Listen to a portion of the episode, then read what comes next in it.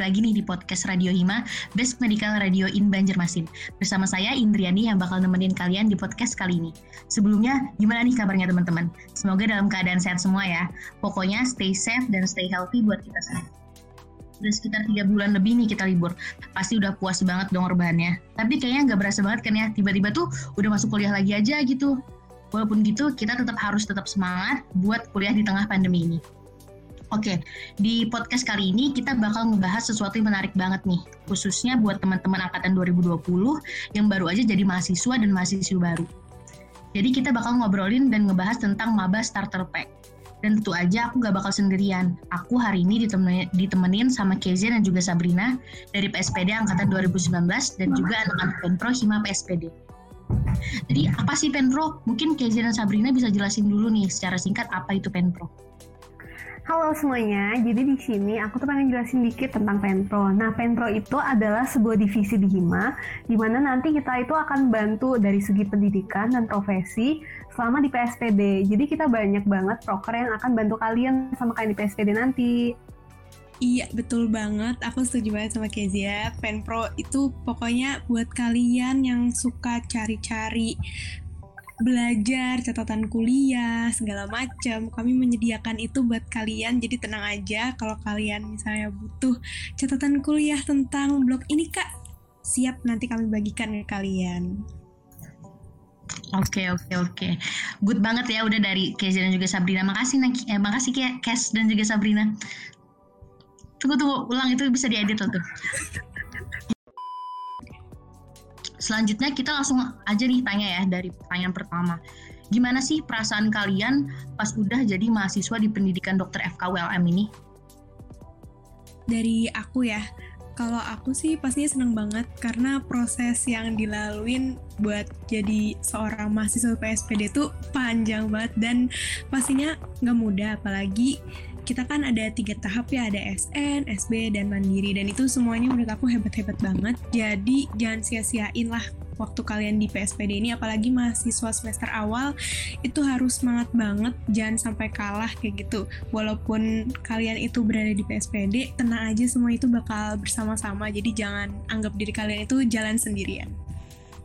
Iya bener banget yang dibilang sama Kak Sabrina tadi jadi nanti kalian jangan khawatir di PSBD itu pasti kalian bakal ketemu sama teman-teman angkatan kalian yang super hebat, juga sama kating-kating kalian yang pasti bakal siap untuk bantu kalian. Jadi kalian jangan pernah takut selama kuliah di PSBD FKULM ini ya guys. Oke, setuju banget nih sama Sabri dan juga Kezia. Kita langsung yang ke berikutnya ya. Apa aja yang udah kalian lewatin selama di FK ini? Kayak udah asam manisnya, terus pahitnya, terus gimana bisa dicerita, bisa diceritain tuh?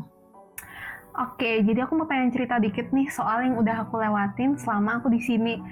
Jadi aku udah ngelewatin banyak fase ya, mulai dari yang pertama pas masih fase-fase awal masih LKM itu merupakan salah satu fase di dalam PSPD yang nggak terlupakan sih buat aku karena melewati fase itu membuat kami satu angkatan tuh bisa deket banget satu sama lain dan bisa saling dukung, bisa saling membantu. Lalu setelah itu kami juga udah ngelewatin banyak blok-blok fungsi normal ya, blok-blok awal yang meskipun uh, rasanya tuh susah, tapi karena dibantu juga sama kakak-kakak asisten dosen dan lain-lain, semua itu jadi terasa lebih mudah. Iya, aku juga ngerasain hal yang sama sama Kezia, apalagi aku waktu pertama kita mulai blok keluhan ini tuh aku ngerasa solidaritas dari angkatan per angkatan tuh lebih rekat kayak gitu, apalagi angkatan plexus kan kalau kita itu, jadi menurut aku ya kalian bakal ngerasain sendiri deh nanti step by stepnya. Jadi jangan sampai dilewatin jangan sampai kalian nyesal di akhir karena pasti pasti kalian bakal seneng banget semakin ke depannya kalian tuh semakin dibantu satu sama lain jadi semangat terus Oke, terus ya kan ada beredar-beredar nih cerita atau um, or, cerita orang-orang luar gitu. Kalau misalnya bener nggak sih kalau misalnya kuliah di FK ini tuh semenakutkan itu gitu? Kalau menurut aku mungkin karena persepsinya kuliah kedokteran itu lama kali ya dan mungkin kalau mereka membahasakan ntar bakal ketemu mayat, ntar bakal periksa sendiri, ntar bakal ngeliat darah. Nah, itu tuh sebenarnya kalau kita udah masuk itu tuh di luar ekspektasi banget karena jujur aku seneng banget apalagi bisa ngeliat kadaver-kadaver langsung terus kita bisa ngidentifikasi terus kita praktikum-praktikum juga semuanya bareng kok tenang aja. Dan nggak semenakut nggak semenakutkan itu kayak gitu. Intinya kalau kalian itu se apa seneng udah masuk PSPD terus kalian itu juga bisa aku yakin nih kayak aku bisa nih ngelewatin ini. Jangan pesimis dulu intinya. Kalian harus positive thinking. Jadi uh, aku setuju banget nih sama yang dibilang sama Sabrina pendidikan dokter nggak semenakutkan itu kok nggak? Yang kayak orang-orang luar bilang ih nanti kamu kalau di pendidikan dokter nggak bakal bisa tidur loh. Kamu bakal belajar terus dari pagi sampai malam bla bla bla bla. Nggak guys. Itu beneran cuma persepsi orang luar aja. Kalian nanti kalau ngerasain sendiri kan baru tahu oh rupanya kita bisa kok kita pasti bisa meskipun aku yakin awal-awal kalian bakal pesimis banget bakal takut aduh gimana ya kalau aku nggak kuat nanti kalau aku salah atau aku bagaimana tapi aku yakin dengan kalian melewati nanti berbagai proses di awal perkuliahan itu bakal membantu kalian banget supaya kalian bisa survive di sini. Oke, bener banget. Uh, selanjutnya nih, uh, menurut kalian apa aja yang bakal dihadepin sama mahasiswa baru pas awal-awal perkuliahan di FK ini? Oke, jadi untuk awal-awal itu pasti kan yang pertama kalian bakal ada yang namanya LKM, terus setelah itu kalian bakal pasti bakal banyak banget yang ada namanya praktikum dan perkuliahan.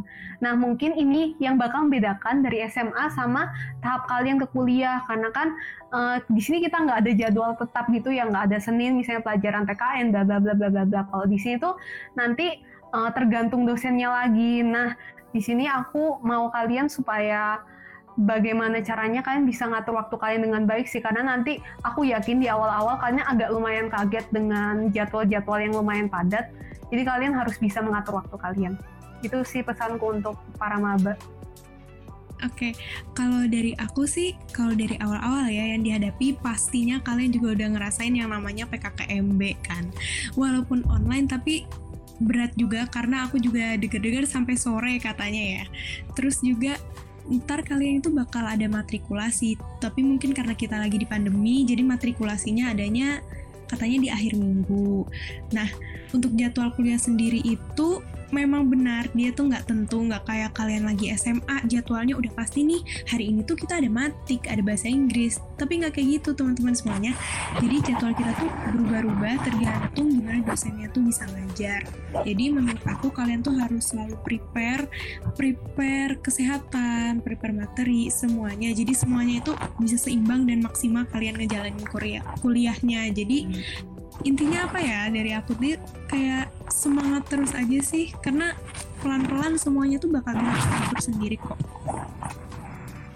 Iya, setuju banget. Jadi kalian harus dengerin tuh ya udah ada pesan pesan-pesan dari Kezia dan juga Sabrina yang pastinya bakal berguna banget buat kalian nanti. Terus selanjutnya nih, uh, jadi ada yang bertanya-tanya nih, bener nggak sih kalau misalnya kuliah di PSPD ini, pendidikan dokter ini tuh harus pinter dan juga jenius? Aku jujur aku dulu memang anggapnya kayak gitu tapi pas aku masuk ke sini enggak enggak banget. Itu menurut aku ya cuma persepsi karena orang itu mandangnya selalu kalau dokter nih, ini orangnya mesti pinter banget. Ini mesti yang harus juara satu nih yang bisa masuk. Aku mah apa gitu kan? Enggak kok. Kalau menurut aku asal kalian tuh rajin ya, rajin ngulang, rajin kalian baca-baca sedikit demi sedikit kalian itu juga bisa kok nyimbangin teman-teman lain. Jadi jangan ngerasa insecure atau ngerasa pesimis lagi-lagi ya. Karena orang pinter pun kalau misalnya dia nggak ngulang nggak apa itu suatu saat ya bakal bisa aja kayak gitu tapi kalau orang rajin kan akan terasa terus kayak gitu jadi kalian bisa kok tenang aja Ya, nah aku pengen nambahin dikit nih tips buat kalian buat belajar gimana. Nah, saranku ya sebelum dosen itu menjelaskan, itu jauh lebih baik kan pelajari dulu malamnya. Jadi kalian lihat jadwalnya, oh hari ini kita akan belajar tentang anatomi. Kalau bisa di hari itu kalian uh, hari min satu sebelumnya kalian udah belajar dikit-dikit. Jadi saat dosen menjelaskan itu kalian udah ngeh, udah paham dan kalian udah tahu apa yang akan kalian tanyakan karena pas sekali lagi aku ingatkan di sini kalau sistem perkuliahan di kuliah itu beda ya guys sama dengan cara guru akan ngajarin kalian di SMA. Jadi saranku itu ya, jangan lupa belajar hamil satu sebelum kalian akan mulai perkuliahan tersebut. Iya benar banget. Emang yang paling penting itu kita harus rajin guys kalau misalnya di PSPD ini. Dan tips dan juga trik dari Keja itu harus banget sih kalian ikutin. Itu manjur. Oke, selanjutnya bener nggak sih kalau misalnya mahasiswa FK ini harus terus-terusan belajar gitu? Terus apakah masih bisa kalau misalnya kita tuh eh, ngikutin kegiatan-kegiatan lain gitu? Nah, aku pengen jawab nih, kalau soal ini apa bener ya harus belajar? Enggak sih, di aku aku masih bisa tuh hangout sama teman-teman aku, masih bisa ngelakuin hal yang fun lah. Nah, itu kembali lagi guys dengan cara pengaturan manajemen waktu kalian. Kalian kalau misalnya sukanya kebut-kebutan atau belajar Hamin satu SKS itu mah agak susah ya. Tapi kalau misalnya kalian bisa ngatur waktu, misalnya kalian mau kayak gini, weekdays aku pengen belajar uh, setelah kuliah aku pengen review ulang, aku pengen belajar yang besok, mungkin cukuplah tiga jam, dua jam, tiga jam. Nah itu menurutku udah cukup sih. Nggak harus kalian forsir tiap hari, aduh aku harus tidur jam satu tiap hari, aku nggak ada deh waktu buat seru-seru sama temenku, aku harus belajar terus. Jangan guys, itu malah bikin kalian stres, dan itu malah yang bikin kalian nggak bisa survive. Menurutku bawa have fun aja sih semua, dan pastikan bisa mengatur waktu kalian. Iya iya iya. Aku juga setuju sama Kezia. Jujur dulu pas awal-awal mungkin kita bingung kali ya. Aduh pelajarannya tuh nambah mulu. Tapi tuh kapan aku bisa belajarnya? Sedangkan kuliahnya sampai jam segini.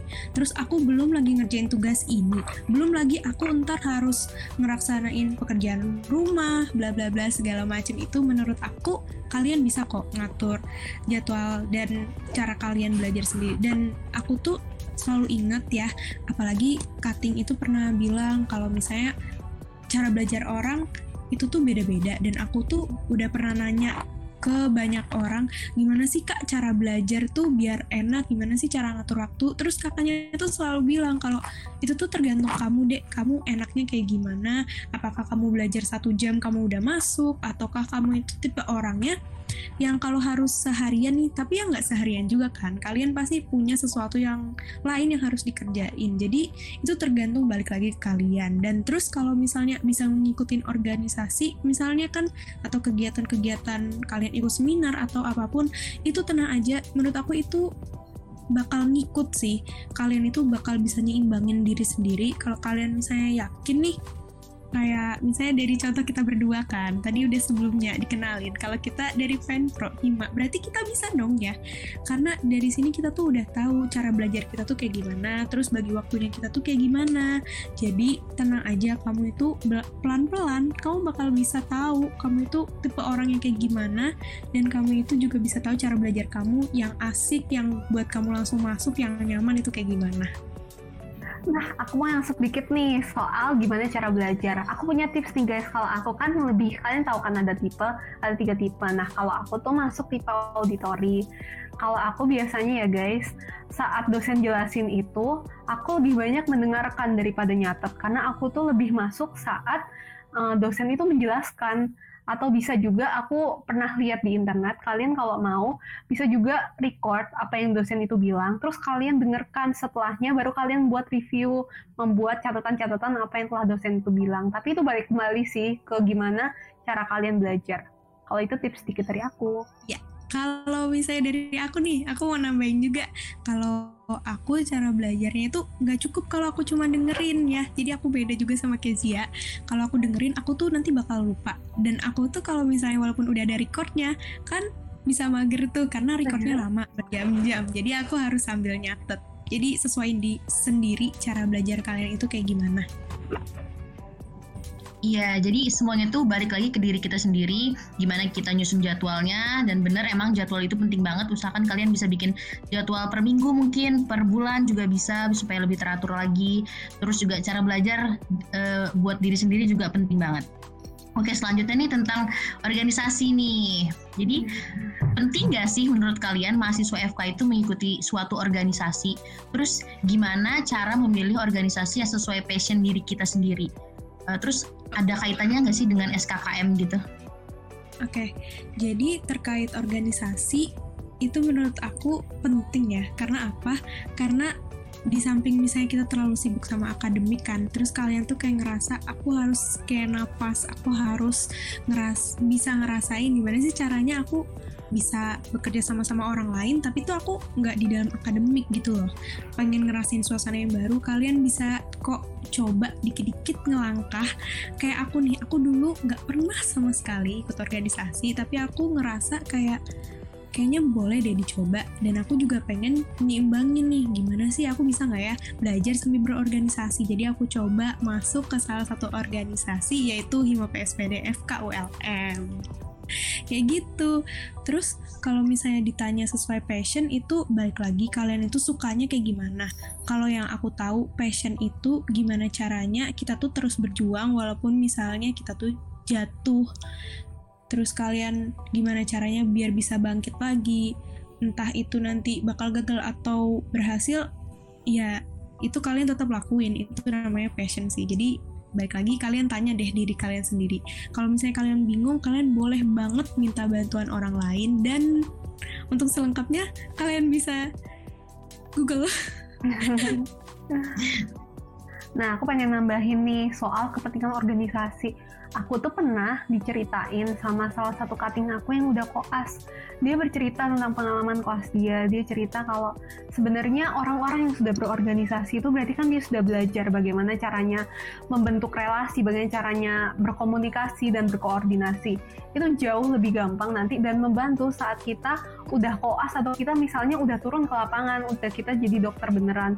Itu sangat bantu sih guys karena terkadang beberapa orang yang tidak memiliki pengalaman organisasi itu jadi bingung sendiri gitu loh bagaimana ya mengkondisikan diri sendiri di suasana yang seperti ini.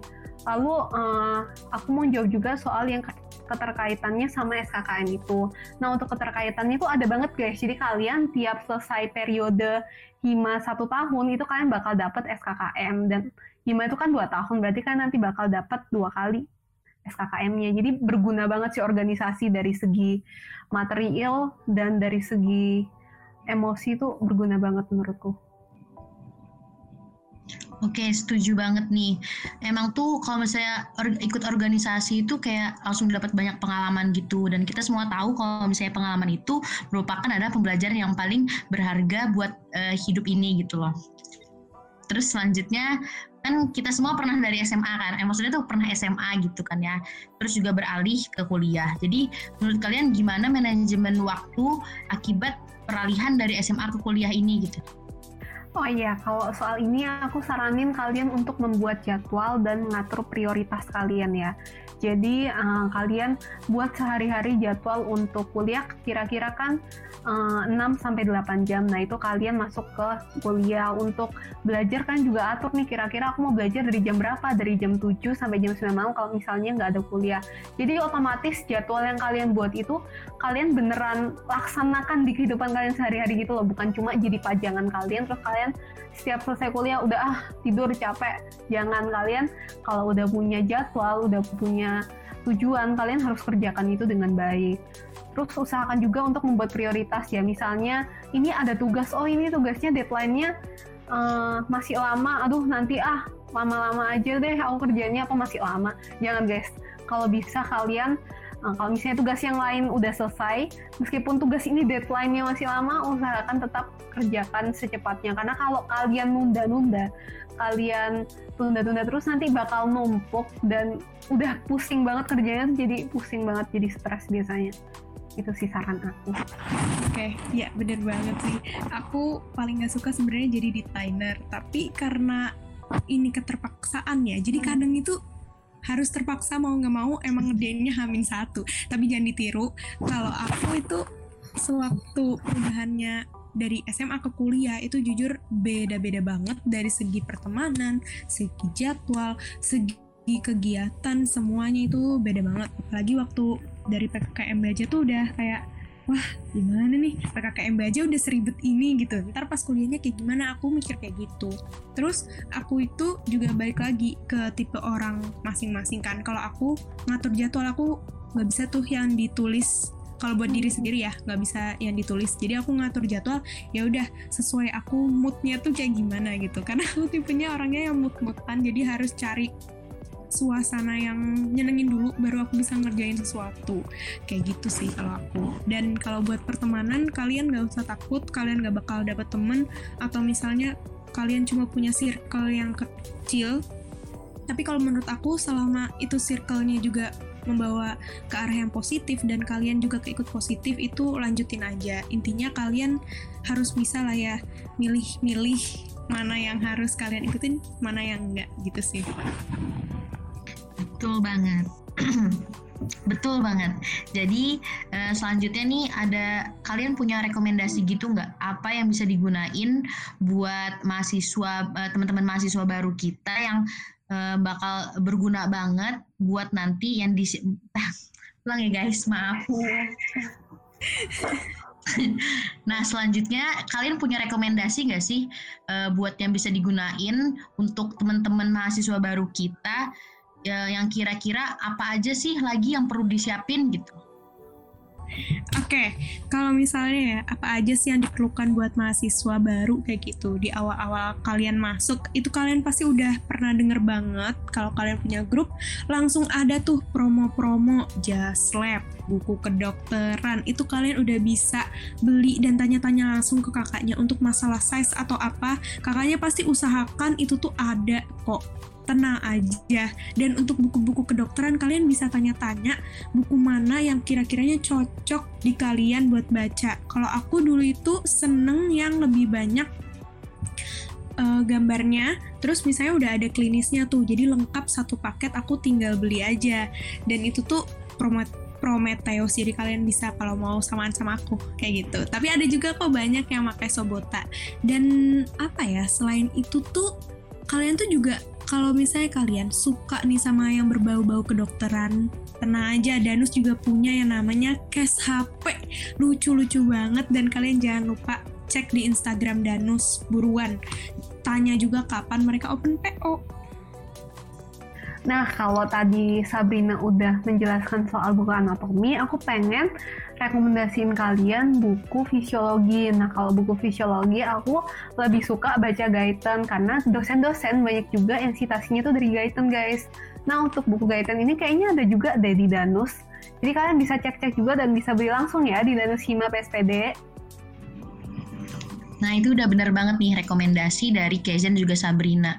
Terutama yang Just Lab itu super duper penting banget buat kalau misalnya kita ada praktikum nanti itu pakai banget lah pokoknya. Oke selanjutnya uh, tentang tips and tricks. Jadi sebagai mahasiswa kedokteran kita tuh otomatis butuhin namanya strategi dan juga tips and trick kan. Nah kalau dari Kezen dan Sabrina ada nggak sih tips and tricks buat menjadi mahasiswa FK itu gimana? Khususnya dalam masa pandemi yang seperti ini gitu. Nah, untuk tips and trick untuk teman-teman maba semua, apalagi di pandemi ini ya, aku yang paling utama menurutku tuh harus tetap semangat sih, meskipun aku tahu kalian ngerasa duh capek deh. Kenapa sih harus online? Kenapa sih harus ada pandemi dan bla bla bla?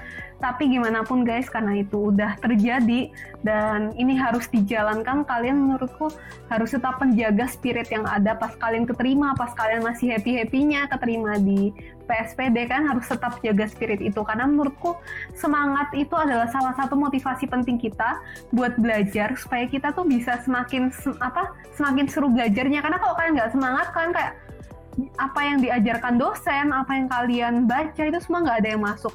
Jadi menurutku yang paling utama tuh tetap menjaga semangat dan yang kedua itu kalian juga harus istirahat yang cukup karena apalagi online kayak gini kan sering misalnya uh, kuliahnya tuh pas pagi-pagi banget atau apa. Menurutku kalian harus tetap jaga stamina dan harus istirahat yang cukup sih supaya kalian tetap bisa mengikuti perkuliahan dengan baik dan bisa mendengarkannya dengan baik. Okay. yang udah disampaikan Kezia udah bener banget. Tapi aku mau nambahin lagi, kalau buat di masa pandemi kayak gini, aku yakin kalian tuh juga mager kan. Apalagi ya tau lah ya, kalau misalnya kuliahnya tatap muka yang kelihatan atas gitu kan. Jadi jangan lupa kalau misalnya kalian tuh udah kayak ngerasa boring kayak gitu, kalau aku ya cariin motivasi aja, cari-cari sendiri. Kayak kalian misalnya uh, lagi ada jeda kuliah. Terus kalian tuh kayak bosen banget pengennya tuh pengen ada sesuatu yang baru pengen ada semangat yang baru. Kalian boleh cari-cari kayak di YouTube kalian misalnya dengerin lagu apa kayak gitu. Atau kalian suka masak kalian boleh sambil masak dulu sambil nunggu jadwal kuliah. Atau kalian suka nyemil-nyemil nih sediain di kanan kiri cemilan. Tapi ingat jangan pas lagi kuliah makannya. Pas tutup kamera enggak pas kalian lagi istirahat jadi sambil misalnya baca-baca juga kan di laptop atau kalian suka misalnya journaling apa sih namanya jurnal-jurnal bikin jurnal yang estetik kayak gitu itu ningkatin mood banget sih. Tapi bikinnya emang kalau aku bikin kayak gitu nggak sabaran jadi hmm. nggak. Jadi silahkan kalau kalian yang hobinya nulis ngejurnal kayak gitu itu ningkatin mood banget sih kalau menurut aku. Dan pastinya harus tetap semangat karena kuliah online menurut aku lebih capek karena kita natap laptop mulu. Jadi jangan lupa makan makanan yang sehat, olahraga tetap dijaga dan keluar rumah kalau urgent aja. Iya benar, pokoknya dibawa happy aja gitu kan ya, mau kuliahnya online, offline gitu. Ya, selanjutnya nih, uh, kalian ada nggak sih cerita menarik selama kuliah di FK ini? Cerita lucu, horor ataupun apa gitu? Jujur aku ada, tapi kayaknya ini agak sedikit privacy ya. Coba aku bakal ceritain kayak secara general aja. Jadi aku tuh pernah waktu lagi uh, masa-masa mau blok 2 kayak gitu kan. Hmm. Terus kita tuh bakal ada tuh nanti bentar bentar bentar bentar ada gangguan dari luar bentar, ya bentar aku sambil mengingat ya apa ya Few moments later. Aku pernah sih punya cerita lucu, tapi mungkin ini lebih ke angkatan ya. Jadi pernah hampir uh, satu angkatan itu tuh kayaknya gara-gara kuliah pagi gitu kita tuh belum sempet sarapan. Terus uh, keburu dokternya masuk dan ujungnya kita tuh udah ada danusan tabok jadi itu semuanya kayak tiba-tiba langsung jadi pasar tabok di satu kelas itu. Jadi semuanya langsung ngeborong tabok dan itu menurut aku sesuatu yang emes banget dalam beberapa menit itu tabok udah laris banget dijual. Dan kalau kalian yang belum tahu tabok kalian harus cobain itu makanan favorit semua angkatan ya. Terus ada lagi jadi aku itu baru tahu yang namanya minuman ini. Nah minuman ini tuh tiba-tiba kayak jadi rame gitu di angkatan aku. Karena habis kita praktikum anak itu tuh kan capek ya jadi kita tuh beli jajan minum itu tuh di kantin SD nah terus ada salah satu temen aku itu pesennya tuh teh susu teh susu kan. Terus aku bingung emang enak ya kalau misalnya dibikin dibikinnya tuh bukan yang dalam kemasan langsung jadi gitu loh.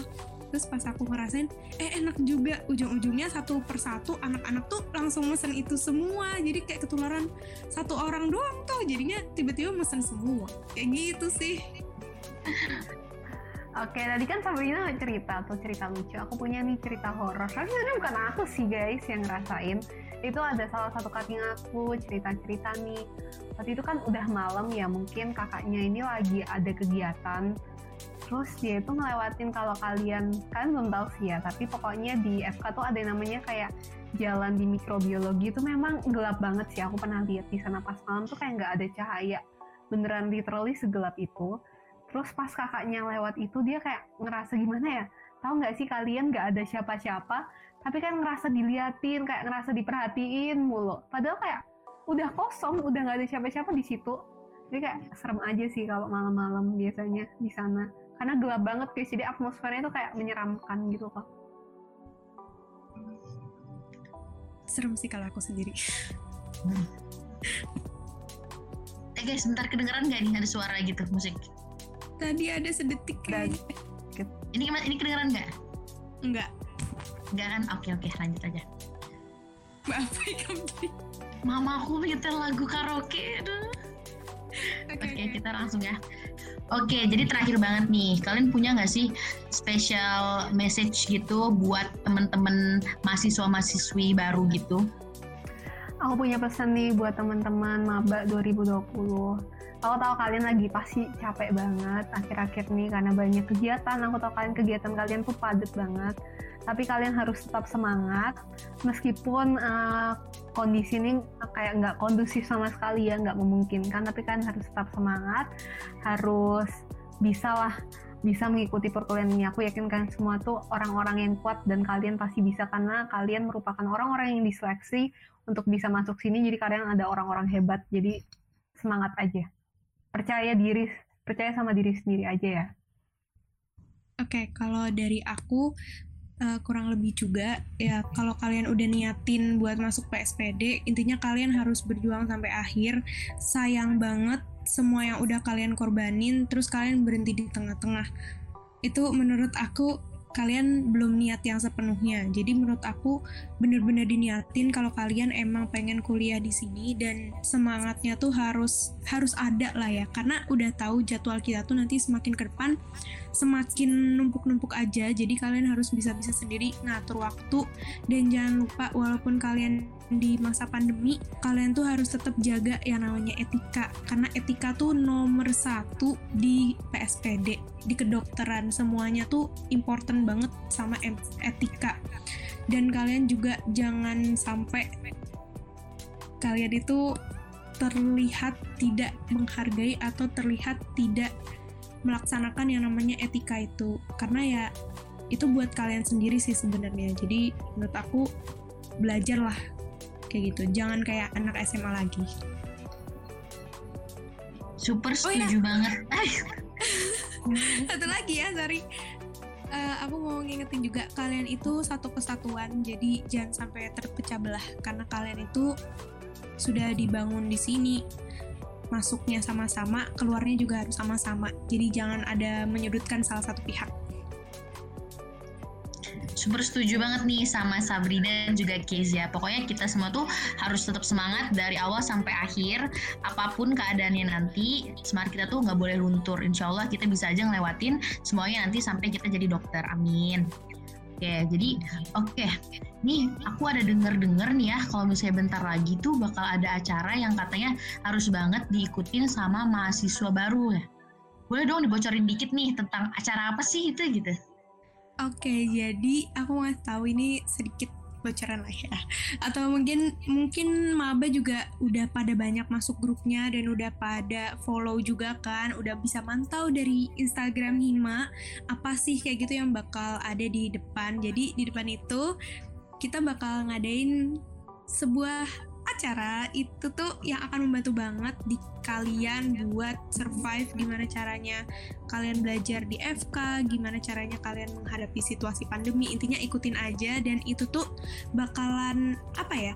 di luar dari yang kalian mau kayak gitu. Maksudnya tuh kalian bakal dapet di luar dari yang kalian bayar gitu.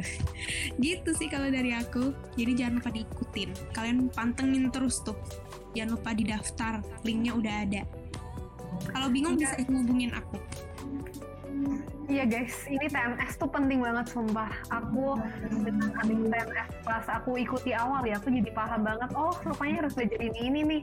Nah, kalian kalau mau juga bisa lebih paham tentang kehidupan di FK and so on, kalian harus banget ngikutin TMS ini karena ini murah dan kalian bakal dapat banyak benefit yang jauh lebih berharga.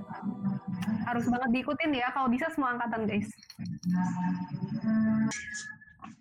Oke, jadi aku mau nambahin juga. Jadi selain nanti ada TNS kayak gitu untuk tanggalnya nanti kalian lihat sendiri. Ada juga nih webinar tentang kesehatan mental yang penting banget pastinya buat kalian ikutin. Dan kenapa kalian harus ikut juga itu menyangkut kita semuanya pandemi di rumah kebanyakan kan. Jadi bakal boring bakal bosen jarang keluar rumah dan itu bakal mempengaruhi dari mental health kita. Jadi apa salahnya kalau kalian itu mulai belajar tentang mental health dengan cara mengikuti webinar mental health? Kalian bisa juga cek di IG Hima ada udah countdownnya berapa hari lagi kalian bisa daftar linknya juga bakal udah dibagiin kan aku yakin linknya udah dibagiin dong dan jangan lupa daftar pokoknya itu terbuka buat umum kalian boleh ajakin sekeluarga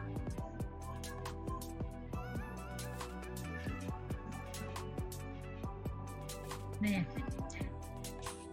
Ini tinggal penutupan lah berarti. Oke. Okay. Oke, makasih banyak ya buat Sabri dan juga Keja yang udah mau sharing-sharing hari ini sama kita. Terus makasih banyak juga buat semua yang udah dengerin podcast kali ini. Sampai jumpa di podcast Radio Hima selanjutnya. Dadah. Dadah. Terima kasih semua udah dengerin.